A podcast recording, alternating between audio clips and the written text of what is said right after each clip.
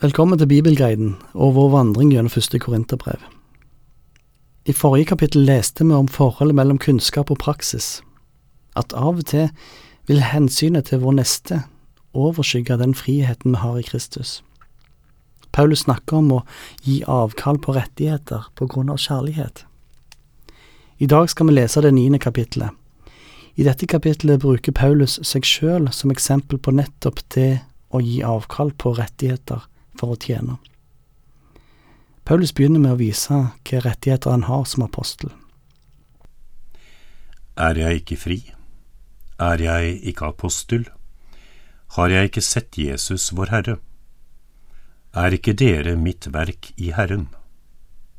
Om jeg ikke er apostel for andre, er jeg det i alle fall for dere.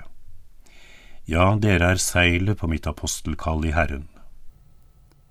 Et seil er på en måte et godkjenningsstempel på et brev, eller en bekreftelse på autentisitet.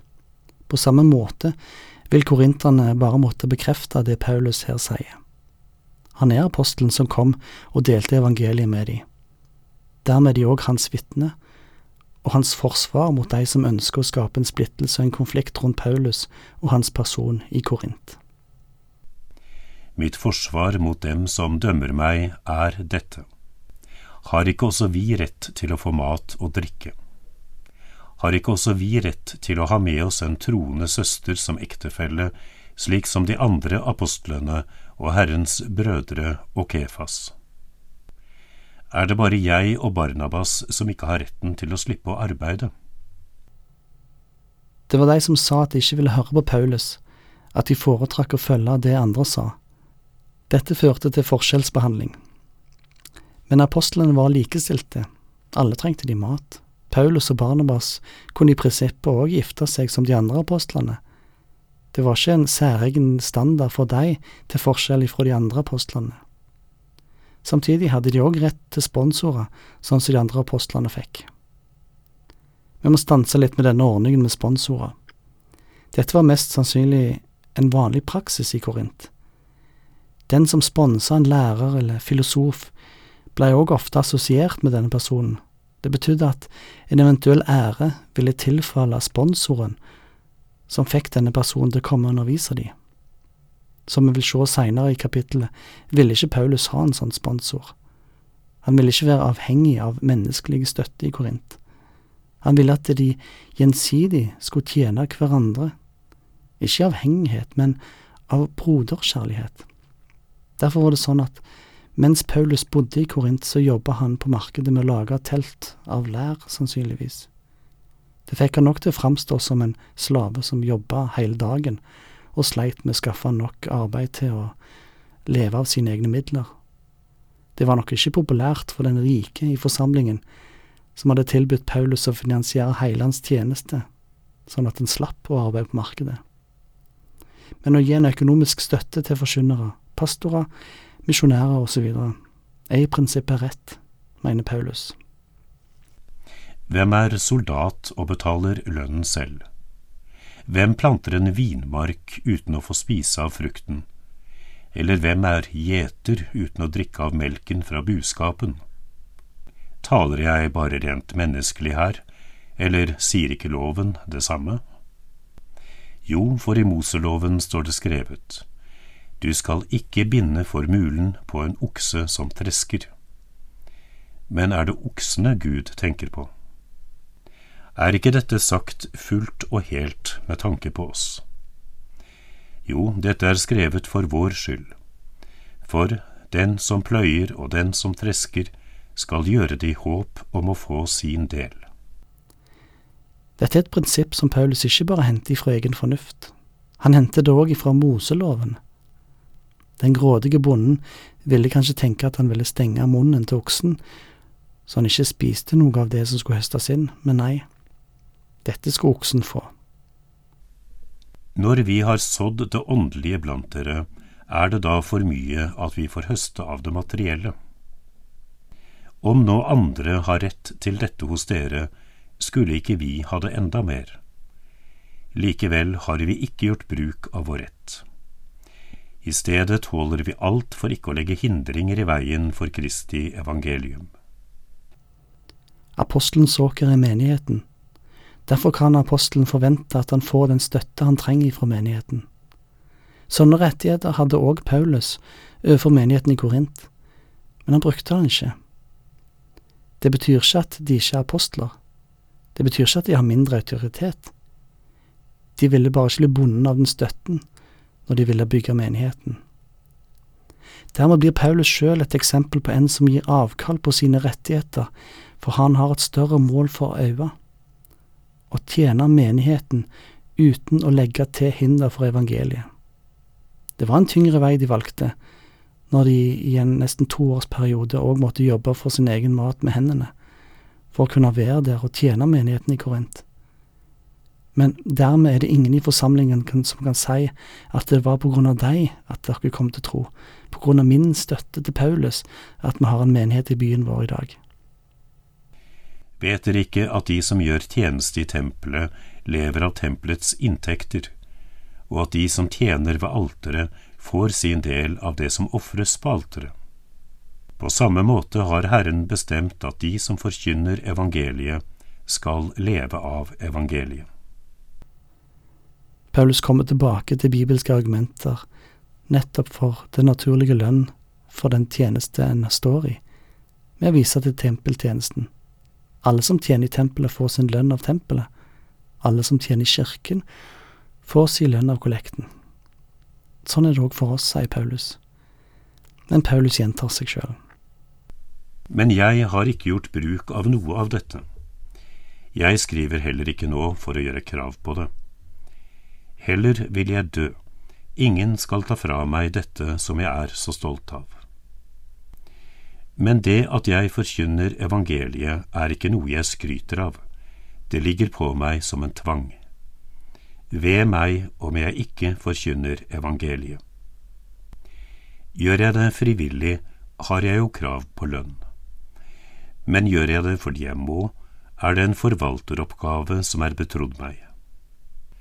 Og hva er som en lønn? Jo, at jeg forkynner evangeliet uten kostnad for noen, og gir avkall på den rett som evangeliet gir meg.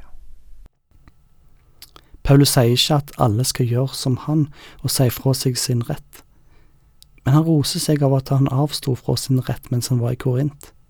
Det var riktig da, spesielt med tanke på de konflikter som har oppstått etterpå.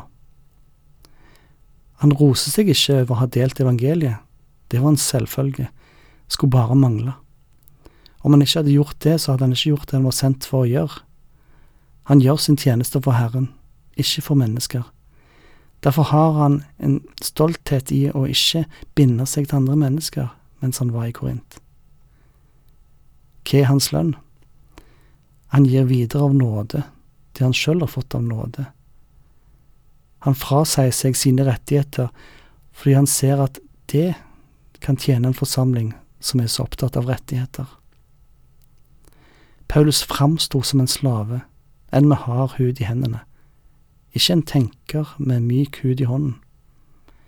Det kunne være til skam for de rike, innflytelsesrike og mektige forsamlingen, om noen så at de var disipler til en teltmaker på markedet. Men Paulus angrep deres stolthet med å ydmyke seg sjøl, sjøl om han var en apostel. Han fulgte Jesu eksempel når Jesus bandt om seg linklede for å vaske disiplenes føtter. Han trengte ikke gjøre dette, men han valgte å gjøre det. Han er nødt til å forkynne. Det eneste han kan gjøre frivillig, er å gi avkall på sin rett til lønn. Dette så gir han oss et eksempel på et kristent sinnelag. Enda jeg er fri og ikke underlagt noen, har jeg gjort meg til tjener for alle, så jeg kan vinne så mange som mulig. For jøder har jeg vært som en jøde for å vinne jøder. For dem som er under loven, lever jeg som om jeg var under loven for å vinne dem, enda jeg selv ikke er under loven.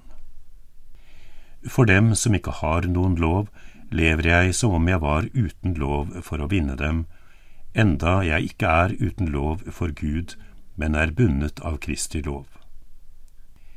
For de svake er jeg blitt svak for å vinne de svake. For alle er jeg blitt alt for på alle mulige måter å frelse noen. Men alt gjør jeg for evangeliets skyld, så jeg selv kan få del i det. Han er fri, og ikke bonden av noen, men i hans tjeneste for alle truende og alle underde folkeslag har han gjort seg sjøl til trell, slave, for å vinne de for Gud. Det er hans tjeneste. Dermed blir han et medmenneske med det han omgås, for å bygge relasjoner og tillit til alle folkeslag. Paulus gjør seg sjøl til en medvandrer med de han omgås, og velger å gå sammen med dem, selv om han ikke trenger det. Han viser flere eksempler på dette. Budskapet tilpasses ikke, det er det samme, men han tilpasser sin tilnærming etter de menneskene han omgås. Paulus gjør det han kan for å bli et ekte medmenneske med de han omgås, fordi han har ett mål for øye at de må bli frelst. Han gjør ikke dette for å oppnå noe hos Gud, men for å tjene andre. Om ikke lønnen var motivasjonen, hva var det som motiverte Paulus til denne tjenesten? Vet dere ikke at på stadion deltar alle i løpet, men bare én får seiersprisen? Løp da slik at dere vinner den. Alle som deltar i kamplekene må nekte seg alt. De gjør det for å vinne en seierskrans som visner, vi for å vinne en som aldri visner. Jeg løper derfor ikke uten å ha et mål. Jeg er heller ikke lik en nevekjemper som slår i løse luften. Nei, jeg kjemper mot meg selv og tvinger kroppen til å lystre, for at ikke jeg, som har forkynt for andre, selv skal komme til kort. I Korint var det et olympisk stadion. Der ble det holdt ikke bare idrettskonkurranser jevnlig, men òg den olympiske greinen poesi, retorikk og ordkunstneri. Derfor fungerer illustrasjonen med en idrettsløper så godt. Når en er fokusert på målet, og forberedt på den kampen skal gå inn i, så sier en gjerne nei til bløtkaker og sjokoladen fordi en må ut og trene til løpet som nærmer seg. Alle idrettsutøvere som satser, kjenner seg igjen i dette. Det koster veldig mye å satse på idrett. De kan ikke delta på alle selskaper de blir invitert til, fordi de har et mål de jobber mot. Sånn er det for oss òg. Vi er kalt til å ha dette målet om å bli bevart i troa til frelse. Ikke bare for oss sjøl, men òg for våre brødre, og òg for de som ennå ikke har fått muligheten. Dette er vårt fokus, som krever avholdenhet, som krever personlig offer. Gjennom sitt eget vitnesbyrd ønsker Paulus i kapittel 9 å vise hva det vil si å gi avkall på egne rettigheter for å tjene et høyere mål, nemlig at mennesker må bli frelst og bli bevart i trua på Jesus.